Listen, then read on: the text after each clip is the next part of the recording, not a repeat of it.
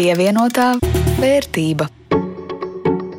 Sveicināti! Ir laiks 2024. gada pirmajam raidījumam par un ap naudas lietām ēterā pievienotā vērtība. Ar to studijā Jānis Ramons un no Latvijas televīzijas Rudīts Pakovska. Šodien, kā jau gadu mīs laikam, piedienas mazliet paskatīsimies atpakaļ un mazliet uz priekšu. Runāsim gan par to, kas noticis ar uzņēmumu dibināšanu, gan par to, ko finanšu tirgi nesuši mūsu pensijām. Bet vispirms par aktuālo. Pievienotā vērtība. Sāksim ar teju katram aciņu un laika apstākļiem, bet jo īpaši par tiem, kam elektrībai biržas tarifs. Šajās dienās vērts pasakot līdzi elektrības cenai. Aizdītajā nedēļā bija brīži, kuros cena uzkāpa pat līdz 1,47 eiro par kilovatstundu. Iemesls - augstais laiks, kurš veicina elektrības tērēšanu, lai sasildītos, un vienlaikus samazina ražošanu hidroelektrostacijās. Bet piekdien, kad cena bija visaugstākā, izrādās Latvijas hidroelektrostacijas strādājušas ar pilnu jaudu, kas liek secināt, ka elektrību esam eksportējuši. Pie šādiem straujiem lēcieniem vienmēr arī parādās aizdomas, vai kāds tirgus spēlētājs nemanipulē ar cenām. Sabiedrisko pakalpojumu regulēšanas komisija skaidro, ka šo pētot, bet šobrīd viņu rīcībā nav informācijas par kādu ļaunprātīgu rīcību, bet esot jāpapēta vairāk. Ekonomikas ministrs gan ir vērsies pie Latvijas energo padomes pēc detalizēta skaidrojuma un prasīs, ko viņi darīs turpmāk, lai brīžos, kad pašu saražojumu pietiekama elektrības Latvijas iedzīvotājiem nebūtu jāmaksā dārga cena. Te nu gan tā teikt, ainas pilnīgumam piebildīšu. Pirms tam svētku laikā vairākas dienas pēc kārtas baudījām visai zemes, un teikšu, kā ir ļoti patīkamas biržas elektrības cenas. Turpinās Latvijas graudu sāga. Jau zināms fakts, ka Latvija ir otra lielākā Krievijas pārtikas produktu importētāja Eiropas Savienībā. Pirmie ir Spāņi. Publiski Latvijas uzņēmuma kaunināšana, cik noprotams, situācija nav mainījusi. Bet nu jāpiemina vēl kāds fakts. Pats lielākais Krievijas graudu pārvadātājs ir satiksmes ministrijas kontrolētais uzņēmums LG Cargo. Sadarbība ar agresoru valstīm nekādas sankcijas nepārkāpj, tā skaidro ministrijā. Bet cik noprotams, tā vietā, lai paši pieņemtu politiskus lēmumus un ierobežojumus, nesadarboties ar agresoru valstīm un nepapildinātu to budžetu, īsti neviens vai nu negrib, vai nevar. Tā vietā satiksmes ministrs rosināšot Krievijas un Baltkrievijas graudu importu iekļaut Eiropas Savienības sankciju sarakstā. Te gan joprojām paliek jautājums, vai tiešām tā nauda ir tā vērta. Vai tas bija tā vērts? Droši vien domā arī Latvijas transporta līdzekļu apdrošināšanas birojas, kuram konkurences padomu piemērojas naudas sodu - 336 tūkstoši eiro par konkurences kropļojošām darbībām. Vairāk nekā desmit gadi no 2011. gada sākot, birojas ir kavējis jaunu tirgus dalībnieku ienākšanu. Katram jaunam tirgus dalībniekam, lai tiktu sauszemes transporta līdzekļu īpašnieku civiltiesiskās atbildības obligātās apdrošināšanas tirgū, bija jāizpild dažādas prasības, tostarp jāveic vienreizējs iestāšanās maksājums, kuru noteica konkrētā biedrība. Biedrība savu vainu atzinusi, kā paši skaidro, esot nogulējuši to mirkli, kad kļuva par biedrību ar citu regulējumu, bet vecā valsts ieviestā kārtība joprojām palikusi tā pati vecā. Turklāt eksistējusi pirms tam 18 gadus, un visiem regulatoriem, uzraugiem, finanšu ministrijai to starp likusies gana laba esam. Pievienotā vērtība. Aizgājušā gadā vairāk uzņēmumu reģistrēti nekā likvidēti. Šādu patiesībā cerību viesošu ziņu pirms pāris dienām izplatīja Lursoft. Bet vai tas nozīmē, ka Latvijas uzņēmēju skaits pieaug un arvien vairāk metamies biznesā? To jautāja Daigai Kijopai, Lursoft valdes loceklei. Pērn jaunreģistrētu uzņēmumu bija 8,7 tūkstoši, kas tomēr ir zems rezultāts, jo tik zems nav bijis vairāk kā 15 gadus. Bet nu, tas ir diezgan līdzīgs kā aizvadītajā gadā. Teiksim tā. Bet kopumā, saskaitot šo visu, cik ir likvidēti un cik ir jaunreģistrēti, mēs, mēs redzam, ka tas beidzot ir ar plus zīmi šis rādītājs, un pieaugums ir par 928 uzņēmumiem. Tomēr, ja skatāmies ilgākā periodā, proti pēdējos desmit gadus, cik tad ir likvidēti un cik tad ir jaunreģistrēti kopskaitā, tad mēs esam bilancē ar mīnus 27 tūkstošiem uzņēmumu. Nozares, kurās uzņēmumi dzimuši, īpaši nav mainījušās. Topā pārvadājumi, un tam ir loģisks izskaidrojums, atzīst Kjopa. Bet tur tas izskaidrojums galvenokārt ir tāds, ka tur vispār šī uzņēmuma mainība un tirgus dalībnieku mainība ir ļoti liela, jo tas ir galvenokārt saistīts ar taksometru pakalpojumu sniegšanu. Šī nozare veido lielāko skaitu no šiem jaunreģistrētiem un arī likvidētiem uzņēmumiem. Tur tāda rotācija vērojama izsenis, un arī šogad nav starpības nekādas, ir tirzniecības jomam, jo viņi ir visplašāk pārstāvētā likumsakarīgi arī jaunreģistrēti un likvidēti uzņēmumi. Tur ir vienmēr top trīniekā redzami. Un jau vairākus gadus mēs arī redzam, ka operācijas ar nekustamiem īpašumiem ir gan likvidēto nozaru vidū, viena no populārākajām, un arī jaunreģistrēto vidū. Kas ir tāda pozitīva iezīme, ja mēs runājam par jaunreģistrētajiem, tad ceturtajā vietā ierindojās datorprogrammēšanas joma, kas liecina par IT potenciālu un par to, ka to arī saskata jaunie uzņēmēji, un šajā jomā tiek dibināti jauni uzņēmumi. Bet, ja runājam par likvidētājiem, tad lielie neaktīvo un reāli nestrādājošo uzņēmumu likvidēšanas plūdi sāk noplakt. Starp likvidētajiem gan uzņēmumi ar vairāku desmit gadu vēsturi, gan arī pavisam jauni. Nu, un, ja mēs tā paskatāmies, tad faktiski atkal mēs secinām, ka tāds vidējais dzīves ilgums uzņēmumiem ir robežās no 8 līdz līdz 9 gadiem. Bet tas, ko pamanījuši Lursoft pagājušajā gadā starp tik tikko dibinātiem un jau likvidētiem uzņēmumiem, proporcionāli daudz ir individuālie komersanti. Daiga Kijopa saka, tas varētu liecināt par to, ka topošie uzņēmēji kaut ko pārprot un izvēlas sev nepiemērotu uzņēmēju darbības formu. Vairāk liecina par to, ka šie uzņēmēji, izveidojot šo individuālo komersantu, vai nu nav sapratuši vai pārpratuši kaut kādas nianses, kas uz viņiem attieksies gan nezinu, no grāmatvedības uzskaitas viedokļa, vai kā savādāk. Jo tik pēkšņi pieregistrēt un tūlīt pat arī šo savu uzņēmēju darbību pārtraukt ir visai dīvaini. Jo faktiski individuālajie komersanti caurmērā gadā tiek reģistrēti nu, kādi 5, 600, kas nav liels skaits. Ja, iepratījums sabiedrībām ar ierobežotu atbildību.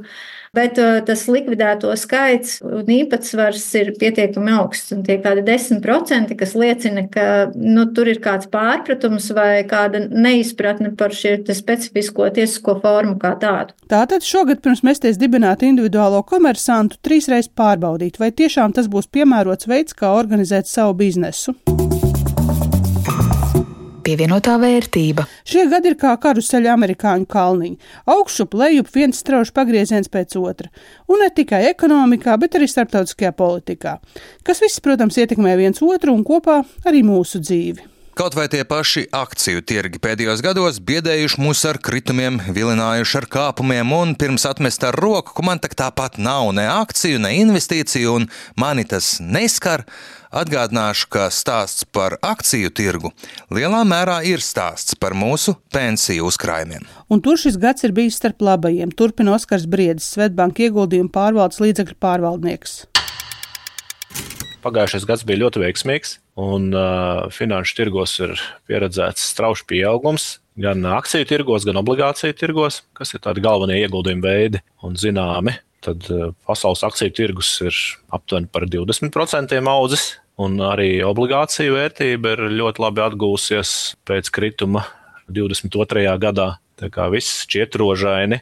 Taču, ja skatās kontekstā tādā garākā termiņā, tad, protams, summējot ar 22. gadu, kad gan pieredzējām strauju inflācijas pieaugumu un arī karu Ukrainā, tad, protams, tad kopumā divos gados pieaugums nav tik strauji. Akciju tirgus ir atguvis pilnībā zaudēto, jāatzīst, un pat drusku vairāk. Bet uh, obligācijas, kas pieredzēja ļoti strauju kritumu, vērtības kritumu, aizpagājušajā gadā nu jau obligācijas vēl nav atguvušas visu iepriekš zaudēto. Bet uh, nu, teiksim, tā ir pusceļā, uh, lai atgūtu zaudējumus. Tam piekrīt arī Jānis Rozenfelds, SEB investment management vadītājs. Tiem pensiju plāniem, kuri iegulda vai nu visus līdzekļus vai lielāko daļu tieši akciju tirgū, ja, tiem ir izdevies atgūt, pilnībā atgūt. Nu, aptuveni, ja, teiksim, es, es ne, ir dažiem plāniem varbūt tur nianses, ja, kādas es runājam par visu tirgu kopumā, ja, bet uh, es teiktu, ka vidēji šiem pensiju plāniem, kas iegūti tikai akcijās, ir izdevies atgūt visus 22. gada zaudējumus, ja, un daļai ir izdevies pat gūt drusku lielāku peļņu. Domājot par pensiju fondiem un savu kapitāla krāšanu vecumdienām, svarīgi paturēt prātā, ka gada rezultātu skaitļi ir patiesībā tāds nedaudz teorētisks rādītājs. Reālajā dzīvē mēs iemaksājam ik mēnesi, un tas izlīdzina riskus. Bet ļoti tradicionāla kļūda, ko izdara daudzi, tas ir ieraugot atskaitēs mīnusus, atteikties no pensiju fondiem, bet ieraugot, ka viss iet uz augšu, atkal sākt pirkt. Šajā jomā situācija gan uzlabojas, uzskata Rozenfelds. Drusku labāk paliek. To mēs eh, sajūtām, nu, teiksim, runājot ar mūsu privātā pensiju fonda kolēģiem, runājot par to, kāda bija klientu uzvedība 22. gadā. Salīdzinot ar iepriekšējiem tirgus kritumiem, kāda bija tāda lielāka krituma, ja, teiksim, piemēram, 20. gada sākumā, kad, tad, kad Covid sākās, tad šis te pēdiņās likšu panikas moments jau bija lielāks tomēr 22. gadā redzējām, ka klienti šķiet, ka nu, jau, nu, mēs jau cenšamies stāstīt jebkuram, kam, kam nav slinkums klausīties ja, par to, ka, hei, nu, tas svārstības ir, bet ja jūs nemaksājat iekšā vienu summu pirmajā datumā, ja, teiksim, bet darat to pa daļām, jūs patiesībā jau automātiski savus riskus mazinat, ja, un var uz to skatīties daudz mierīgāk, tad uh, redzējām, ka 22. gadā, neskatoties uz to lielo kritumu, kāds bija finanšu tirgos, ja, un līdz ar to arī pensiju ieguldījumu vērtībā, ja, teiksim, daudz klienti to uztvēra mierīgāk un uh, turpināja iemaksas, ja, teiksim, nebija, nebija tik daudz tādu gadījumu ja kāds pēkšņi gribētu kaut ko tur, tad, kad jau ir viss nokavēts, ja, tad jau mēģināt kaut kur mazināt risku un tam līdzīgi. Ja. Patiesībā, jā, ir tā psiholoģija drusciņi mainās, ja, bet, protams, tur ir daudz vēl darba darāms. Pensiju uzkrājuma veidošana lielākajai daļai no mums ir ilgs maratons, un Rozenfelds iesaka, visgudrākais ir mazāk satraukties par katru pauguriņu. Laiku mums būs gan vēl kāds uh, ekonomikas lejupslīdes cikls, gan izaugsme, ja, teiks, tas atkārtosies vēl vairākas reizes. Ja. Un nevajag šīm te svārstībām, ja, kas ir dabīgas, normālas, viņas ir tādas bijušas un būs arī nākotnē, ja, teiksim, sevi dzīt pārlieku lielā stresā. Ja. Bet kas notiks tuvāko nākotni? Abi mani sarunu biedri piekrīt. Nākamgad tie būs reālie ekonomikas rādītāji. Tāpat inflācija, inflācijas apmērs, tāpat arī uzņēmuma pelnītspēja, izaugsme. Tie būs galvenie, kas vienmēr ir būtībā galvenie, kas ir vienmēr ir būtiskākie finanšu tirgos un arī tā skaitā akciju tirgu. Tādi blakus faktori, kam ir jāpievērš uzmanība, būs prezidenta vēlēšanas ASV un uh, arī labi, mazākā mērā noteikti notikumi, bet arī vēlēšanas Krievijā. Es domāju, arī nav daudz kas skaidrs par nu, teiks, konfliktu eskalāciju, ko mēs redzam, kas, kas gan jau notiek Ukrajinā tuvajos austrumos, ik pa laikam uz, uzzipsnīja arī Korejā un, un, un ap Taivānu. Ja, tā tādi dažādi notikumi var ietekmēt arī ģeopolitiskie, kas šķiet, ka kļūst arvien tādi biežāki. Un, un, un nepatīkamāki. Tirgi arī skatīsies, kas notiks ar procentu likmēm un ko darīs centrālās bankas. Straušu likuma samazinājums visticamāk liecinās par ekonomikas problēmām. Nu, diemžēl, tad, ja izrādīsies, ka ekonomika sabremzējas tik daudz, ja nu, sāk, sākas tāda jūtamāka recesija, ja, teiksim, straujāk pieaug bezdarbs, ja, un tad centrālajām bankām būs jāpārslēdz savu domāšanu atkal drusku citā virzienā no, no cīņas pret inflāciju, ja, teiksim, būs jāpārslēdzās uz to, kā atbalstīt ekonomiku, lai tā recesija nekļūst pārāk dziļa, ja, un lai mēs pēc iespējas nesāpīgāk nonākam līdz nākamajam izaugsmes ciklam. Arī vērtējot pašus uzņēmumus, jārēķinās ar to, ka, citējot SEB investment management vadītāju, koki neaug līdz debesīm. Respektīvi, pēc strauja pieauguma sako pauze vai atkritieni. Piemērs - tehnoloģija uzņēmumi, kas aizvadītajā gadā vilka augšu visu tirgu, jo visi bija aizraujušies ar mākslīgā intelekta iespējām. Bet līdzšinējā pieredze liecina, ka noplūkot sajūsmai parādīsies jautājumi. Pati tehnoloģija kā tāda, tas ir ļoti jauki un, un, un atbalstāmi, progresīvi un tā tālāk un tā joprojām.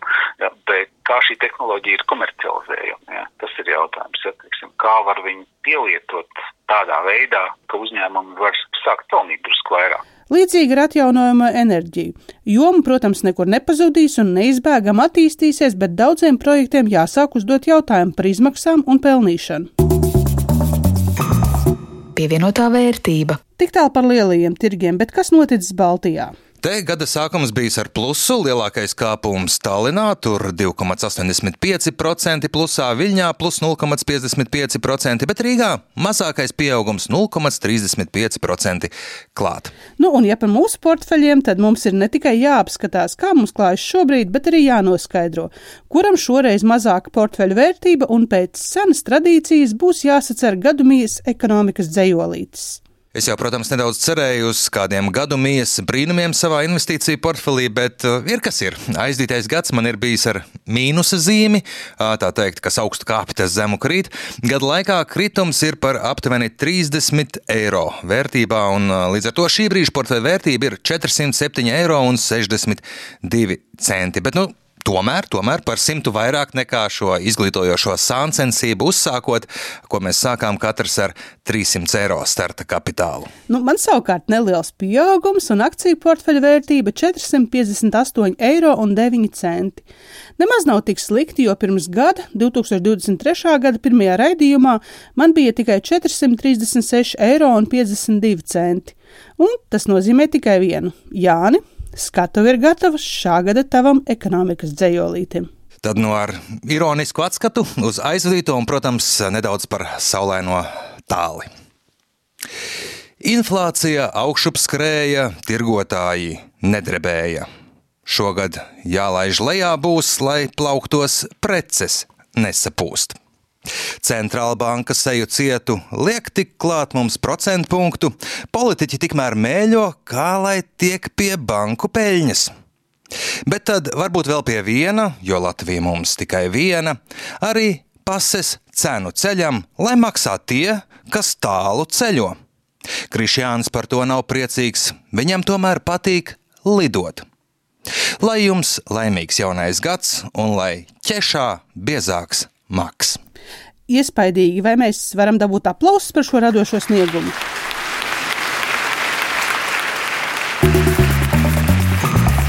Pievienotā vērtība.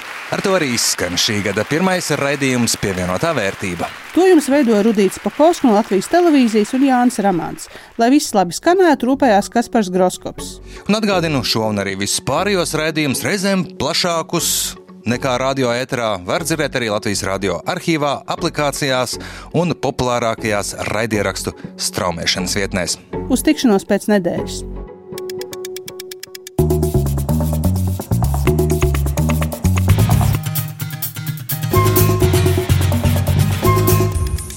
Pievienotā vērtība.